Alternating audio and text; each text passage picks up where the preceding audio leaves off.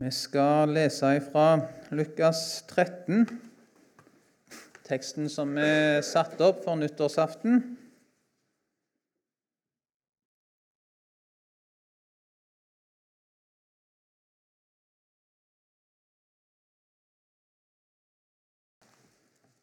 Lukas 13 og fra vers 6.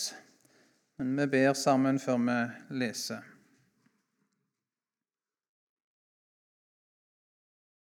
Kjære Herre, vi ber om at du kunne lære oss dine veier. Du kunne lære oss dine stier. Du kunne få lede oss og føre oss fram. Før oss inn til deg, Herre åpner du våre ører, så vi kan høre og ta imot.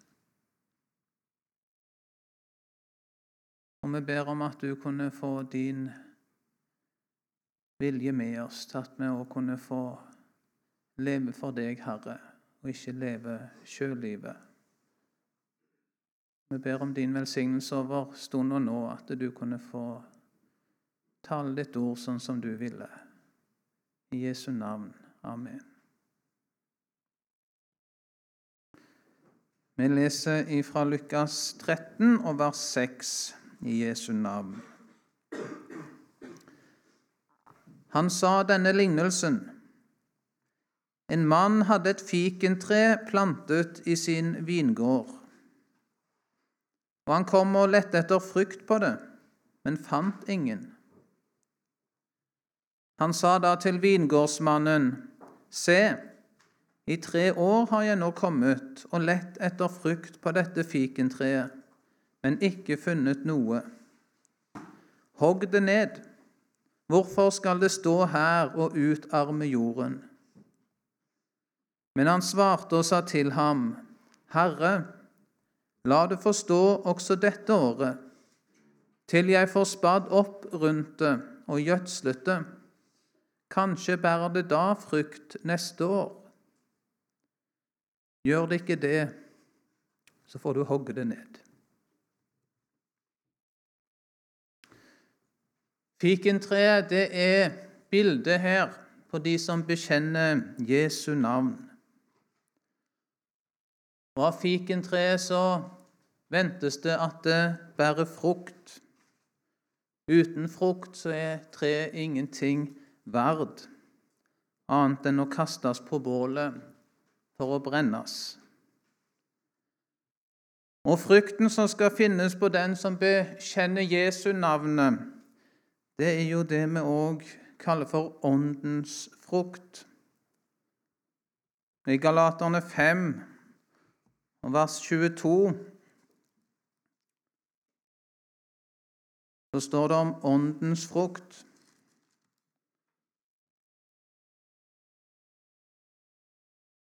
Men Åndens frukt er kjærlighet, glede, fred, langmodighet, mildhet, godhet, trofasthet, saktmodighet, avholdenhet.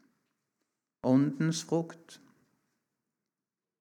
Og er det ingen frukt, ja, så er det ingen sann, gjenfødt kristen. På dommens dag så er det den evige ild som venter det ufruktbare fikentre. Da duger det ikke til annet enn å brennes opp.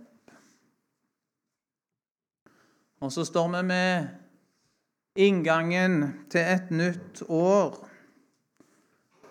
og avslutningen av året som har vært.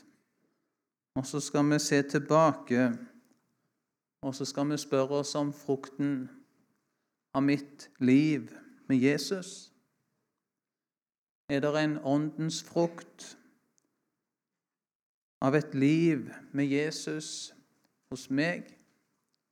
Er det det hos deg? Og så skal vi se fram. Det ligger et år foran. Trenger jeg at det er noen som sparer opp og gjødsler rundt dette fikentreet. trenger jeg at det blir gjort noe for at dette fikentreet skal kunne bære frukt i året som ligger foran.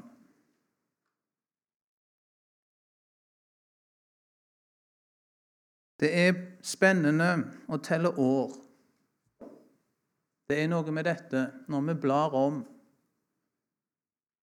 Historien kommer liksom litt nærmere da, når vi blar om til et nytt år. Og den tid vi er inne i, i menneskeslektens historie og i Guds frelseshistorie, det er den tid som ordet kaller for de siste tider. Paulus skriver i 1. Korinterne 10 og vers 11 om det som vi leser om i, i Det gamle testamentet, at alt dette hendte dem som forbilder. Og det er skrevet til formaning for oss, som de siste tider er kommet til. Vi som er sammen her i kveld, vi lever i en helt bestemt periode i menneskeslektens historie og i Guds frelseshistorie. Og den perioden kalles de siste tider. Og den har et helt bestemt preg, helt bestemt formål. For det er denne tiden som er evangeliets seiersgang til hedningefolkene. Det er det som skal skje i disse siste tider. Kan slå opp i Lukas 24. Skal vi lese fra vers 46.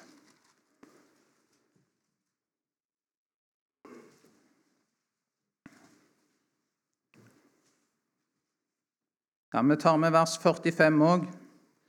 Da åpnet han deres forstand, så de kunne forstå Skriftene. Og han sa til dem, så står skrevet, at Messias måtte lide og oppstå fra de døde den tredje dag, og at i hans navn skal omvendelse og syndenes forlatelse forkynnes for alle folkeslag fra Jerusalem av. Dere er vitner om dette.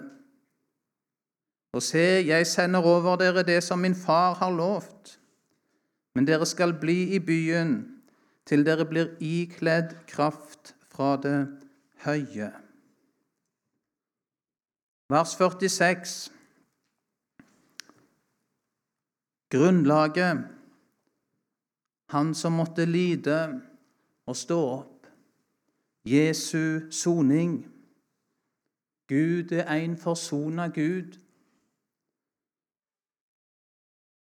Det er blitt lys et lys i mørket. Det er liv å vinne for den som sitter i dødsskyggens dal. Ja, ordet taler om at retten skal ut. Hvilken rett? Jo, retten til syndenes forlatelse i Jesu blod. Det er hvert menneskes rett etter at Jesus har sona all verdens synd. Han som måtte li og oppstå i vårt sted til en soning for alle våre synder. Vers 47.: Ja, i Hans navn skal forkynnes retten som skal ut. Det skal forkynnes omvendelse og syndenes forlatelse.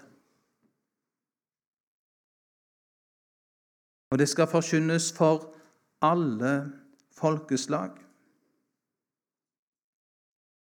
Det er Jesus' seierslønn som skal samles inn. Han seira der på Golgata. Synden var sona. Satan var overvunnet. Døden var oppslukt til seier. En åpen vei. Han har seira. Og så gjenstår å samle inn seierslønnen og det er evangeliet ut til alle folkeslag. Og Paulus han skriver I 2. Korinterne 5 og vers 20 så er vi da sendebud i Kristi sted, som om Gud selv formaner ved oss. Vi ber i Kristi sted, la dere forlike med Gud. For Gud er en forsona Gud. Og han lengter etter å få inn sin seierslønn. Han lengter etter å frelse syndere, altså. Ta de fra Satans makt og føre de inn i sitt kjærlighetssamfunn med seg. At de skal få leve der i syndenes forlatelse.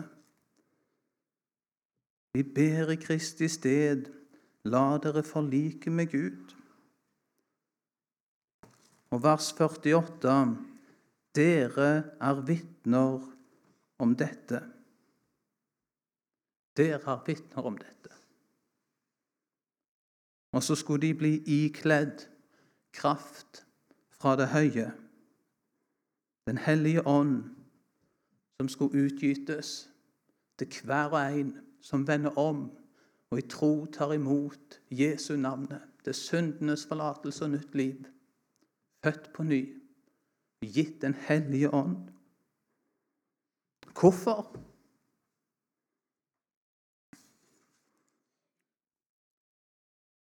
Jo, for evangeliet skulle ut. Ikke for at det bare var kjekt for deg å liksom bli åndelig. For Den hellige ånd, det er jo kjekt. Det er jo åndelig. Nei, for en er satt inn i tjeneste, inn i et nytt liv. Hvem var det som fikk denne åndens kraft i den gamle pakt? Jo, det var de som hadde en helt bestemt oppgave. Og så trengte de å bli ikledd denne kraft om de skulle kunne utføre denne sin oppgave og tjeneste. Ypperste presten, profeten, kongen. Nå gjelder det oss. Evangeliet og Guds rikes seiersgang blant hedningene. Det er den eneste saken som gjelder. Den eneste virkelige sak som gjelder. Vi har fått hørt det tidligere her på møtene om hva en sjel er verd i Guds øyne. Og det er det dette handler om.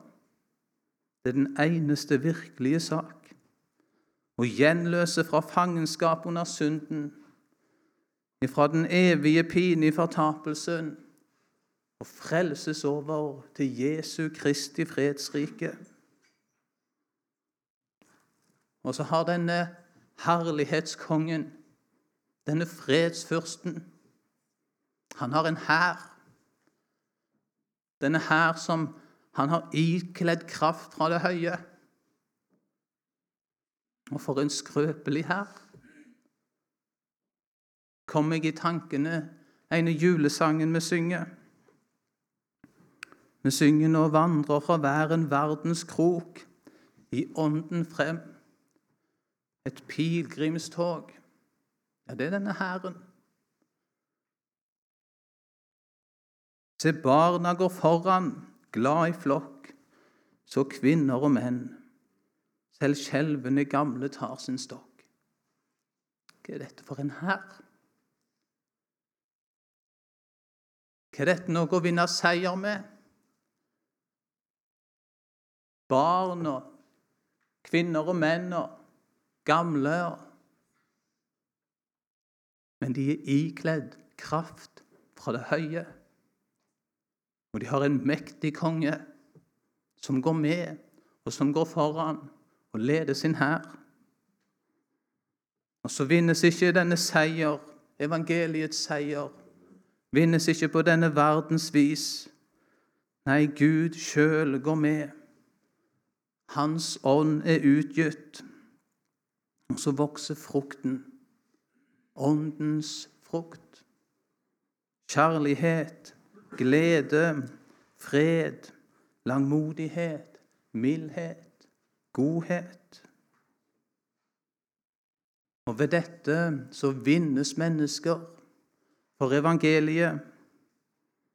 Det som ikke kan overvinnes med makt Det som ikke kan vinnes i diskusjoner, som ikke kan vinnes ved overbevisende ord. Det kan vinnes ved kjærlighet. Paulus han taler om denne kjærlighet og sier at Kristi kjærlighet tvinger meg. Hvordan kan jeg annet, sier han, enn å gå?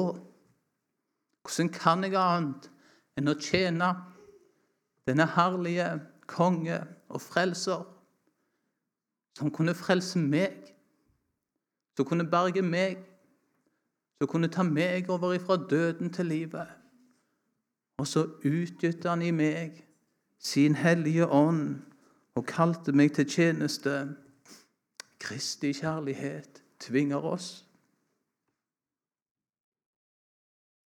I vårt land og våre folk så har det vært en rik innhøstning. Ja, evangeliet har virkelig fått godt fram med seier. Tenk det. Vi lever i et folk som en gang valgte å sette korset i sitt flagg, i sitt samlingsmerke. Korset. Der er liv. Der er framtid. Der er den ene virkelige dype grunn og mening i livet. Så satte en korset i flagget som vårt samlingsmerke. Ja, evangeliet har båret rike frukter i våre folk. Vi synger i sangen 'Nå livner det i lunder'. Så tales det om når Guds ånd ga ordet vekst i folket. Nå skal jeg prøve å knote det litt over til litt mer forståelig nynorsk her. Men da ljosna det i landet, fra fjell og ned til fjord. Altså, da lysner det i landet. Lys kom inn i landet, fra fjell og ned til fjord. Da losner tungebåndet. Da kved Guds folk i kor. Ja, lyset kom over landet, og så løsna tungebåndet. En ny sang ble lagt i deres munn. Ja, da sang Guds folk i kor. Dette har skjedd i våre folk. Da skin det over strender som sol en sommerkveld. Da gløder kring i grender en heilag altarell. Ifra grend til grend en hellig alterild. Gud var nær. For Gud er i sitt folk. Og Guds rike var gått fram til seier. Mennesker var vunnet. Og ifra bygd etter bygd etter bygd så brant denne hellige alterilden. Et folk vunnet for Herren. Men nå mørkner det. Det mørkner for Norge. Det mørkner for Vesten hele den gamle kristenhet. Og vi leser Guds ord, og vi kjenner igjen tegnene som varsler at han snart kommer.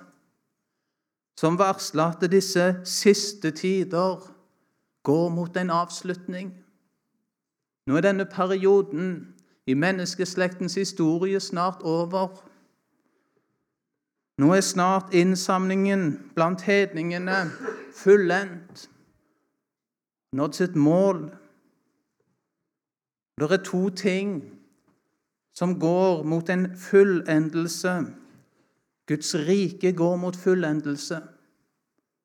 Guds rike seirer alltid. Det går fram. Det går mot sin herlighet. Og så fullendes det når Jesus kommer igjen, og så åpenbares det i herlighet, dette herlige Guds rike. Men så går verden òg mot sin fullendelse i synd, i opprør, i død og mørke. Ja, til slutt i en evig fortapelse borte fra Gud. Antikrist skal stige fram før Kristus kommer igjen og setter den endelige sluttstrek. Og så mørknes det, og så lysnes det samtidig. Går mot en fullendelse. Og vi merker det sånn rundt oss at det mørkner, og at vi er et folk som er under dom. Men dommen, den er enn så lenge fortsatt et kall. Fortsatt en nådens tid. Ennå har han ikke satt sluttstrek. Ennå er det de siste tider. Ennå kan mennesker berges til denne herlige frelser til dette herlige riket. Fortsatt går Guds rike fram. Og i dette mørket er det mange som er i nød. Synden er ikke god å være slave under. Det er mange som lider i dette mørket, under Satans herrevelde. Og en har åpna opp, åpna opp dørene, fritt fram for alle onde åndsmakter, for alt dårlig, alt nedbrytende. Og mange lider nød. Har Herren tatt sin lysestake fra oss? Jeg tror ikke det. Men her er et veldig alvor. Når vi leser i åpenbaringsboka om disse lysestakene Og hva var disse lysestakene? Jo, det er Guds folk. Det er Guds sanne menighet. Det var lysestaken. Og så er advarselen og formaningen til vekkelse og omvendelse til menigheten at dere må vende om. Hvis ikke tar jeg bort lysestaken, altså det er en menighet bare i det ytre, uten Guds ånd, uten åndens frukter, uten evangeliet, uten denne seier. Da er menigheten, da er lysestaken tatt bort. Ja, da er den sanne Guds menighet tatt bort. Matteus 5, vers 14. Dere er verdens lys.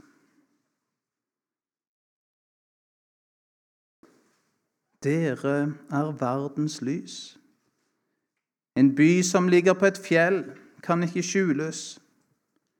Heller ikke tenner noen et lys og setter det under en kjeppe, men i lysestaken. Da lyser det for alle som er i huset. Slik skal dere la deres lys skinne for menneskene, så de kan se de gode gjerninger dere gjør, og prise deres Far i himmelen.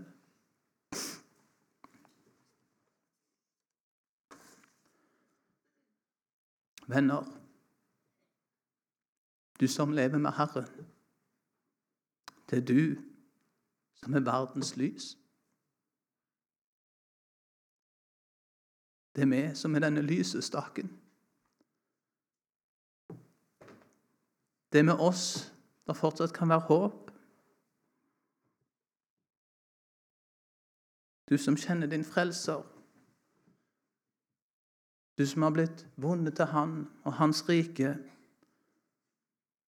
Og nå er det ikke tid for å sove. Nå er det ikke tid for verdslighet for sløvhet, ikke tid for mismot. Det er ikke tid for å la arbeidet i Guds vingård ligge. Det er ikke tid for å gjemme seg unna. La meg sjøl nok med min kristendom. Hva er det for et lys på et hjemmekontor på Vestre Åmøy eller på en kroken på Fossnes? Nei, vi er verdens lys. Skal ikke gjemme oss unna. Skal ikke skjule vår kristendom eller dyrke den.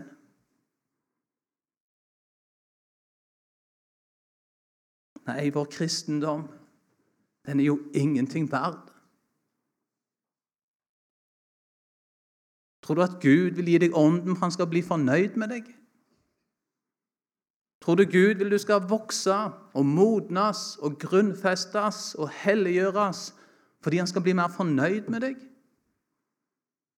Nei, det er fordi noen som trenger deg. Derfor. Det er noen som trenger deg.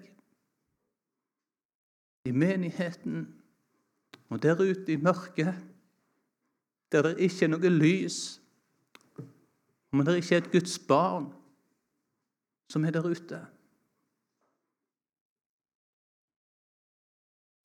Det er tid for å berge det som ennå berges kan. Det er det tid for nå. er tid for mismot, motløshet. Grave seg ned, gjemme seg bort. Vi hørte om Carmen i Bolivia. For henne var det blitt alvor. Og så levde hun etter dette. Og vi kunne berge om det var noen som kunne berges. Måtte du gi et ord om Jesus. Vi leser om Paulus, 1. Korinterne 9, og andre setningen i vers 22 der så sier han at for dem alle er jeg blitt alt. For i alle fall å frelse noen.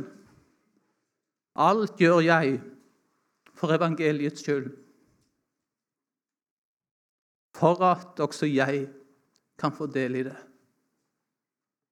Alt. Hva med meg? Hva med deg?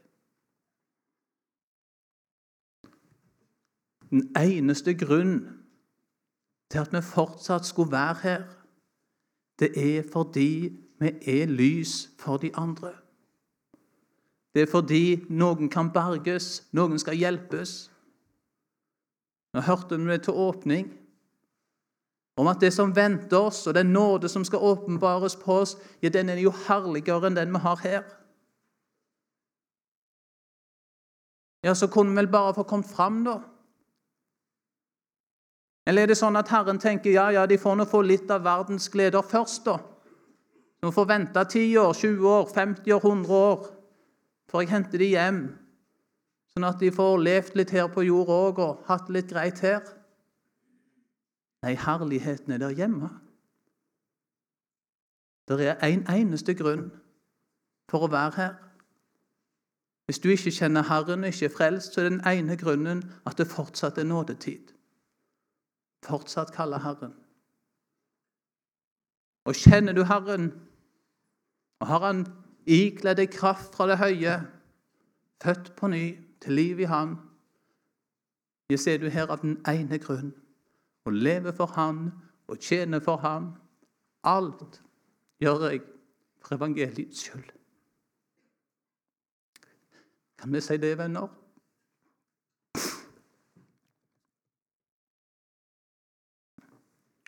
Alt gjør jeg for evangeliets skyld, for at også jeg kan få del i det. Der òg er det et stort alvor. For å være litt personlig jeg blir lett sløv. Jeg tar det lett, lettere med bibellesningen. Har ikke så stor nød for min sjel, for min frelse så har jeg fått en tjeneste. Forkynne Guds ord. En kan jo spørre seg sjøl av og til at du tør. At du tør. Stille deg fram. Og det gjelder evig liv eller evig død. Herren skal vekke ved sitt ord, frelse ved sitt ord. Så skal jeg stille meg fram, forkynne dette ord at jeg tør. Ja, ja. Om jeg ikke har så stor nød for min egen skyld, så vekker i hvert fall det meg tilstrekkelig. At jeg kanskje trister meg til å komme helt tomhendt opp på talerstolen. Og så er det som tjenesten må drive meg inn til Jesus. Så jeg i hvert fall har smuler å komme med, om ikke annet.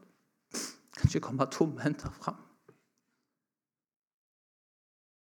Og Sånn taler Paulus om her. Alt gjør jeg for evangeliets skyld, for at også jeg kan få del i det.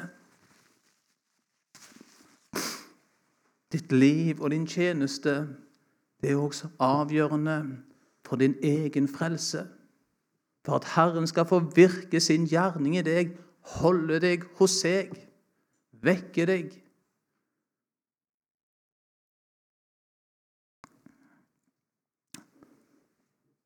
Og så er det ikke bare den som har fått en tjeneste med å forkynne Guds ord, som dette ansvaret ligger på. Men det ligger på hver og en. Det er ikke forskjell. Forskjell på tjenester, men ånden er den samme. Herren har også kalt deg til en tjeneste, til et liv for seg. Og det liv og den tjeneste, ja, det, det kan bare bli sant og godt og rett og være til hjelp og velsignelse om det er ved åndens frukt. Og det handler om ditt liv med Jesus. Fra dag til dag, time til time. Hvordan jeg lever med Jesus, det har alt å si for min tjeneste. Hvordan du lever med Jesus, har alt å si for din tjeneste. Og så ligger det samme alvor over oss alle. Alt gjør jeg for evangeliets skyld, for at også jeg kan få del i det. Et Guds barn er et tre planta i Herrens vingård for å bære frukt. De andre trenger meg, det lys jeg bærer med meg. Og dette livet med Jesus, ja, der avgjøres det om det er et lite bluss, om det er en glo som er i ferd med å slukne, rykende ild, eller om det er en brennende flamme.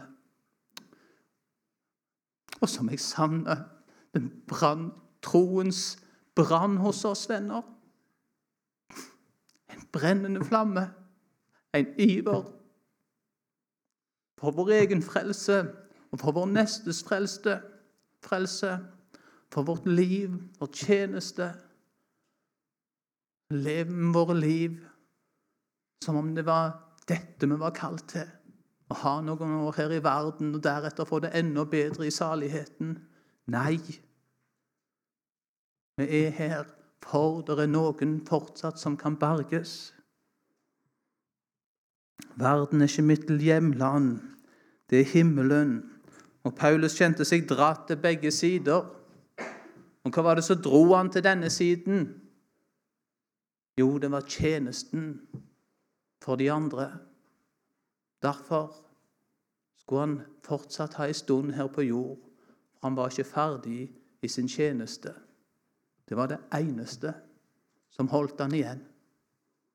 Alt annet dro han hjemover, for der var herligheten. Der var saligheten.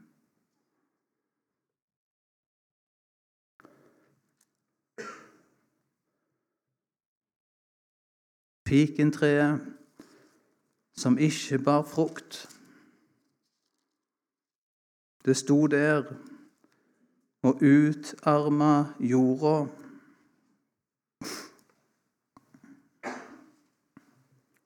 Så er det en tålmodig herre.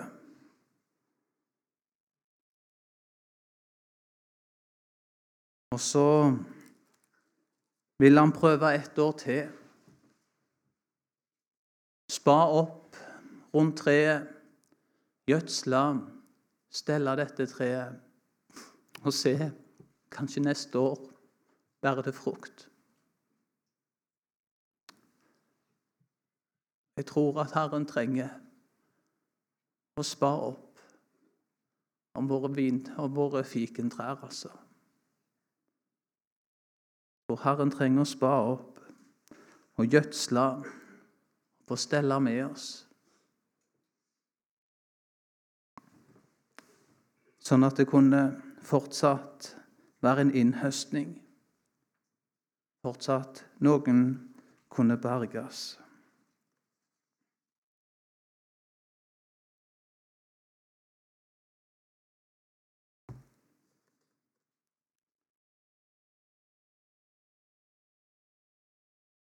Så vil jeg avslutte med det.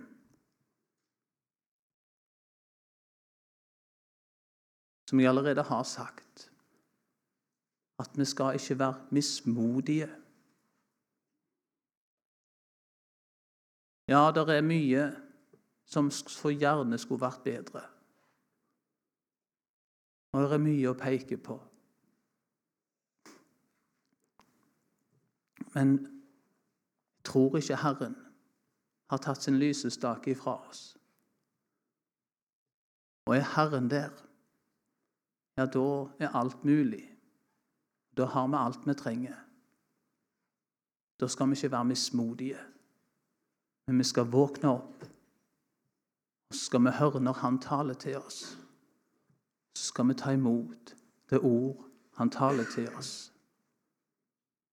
Og så skal vi få glede oss en evig glede er det over deres hode. Vi leste om de fra Jesaja 35 i går. En rydda vei. Dette er den samme veien. Hvor Herrens gjenløste folk går hjem med jubel og frydesang. Med en evig glede over sitt hode. Det er ikke grunn til mismot.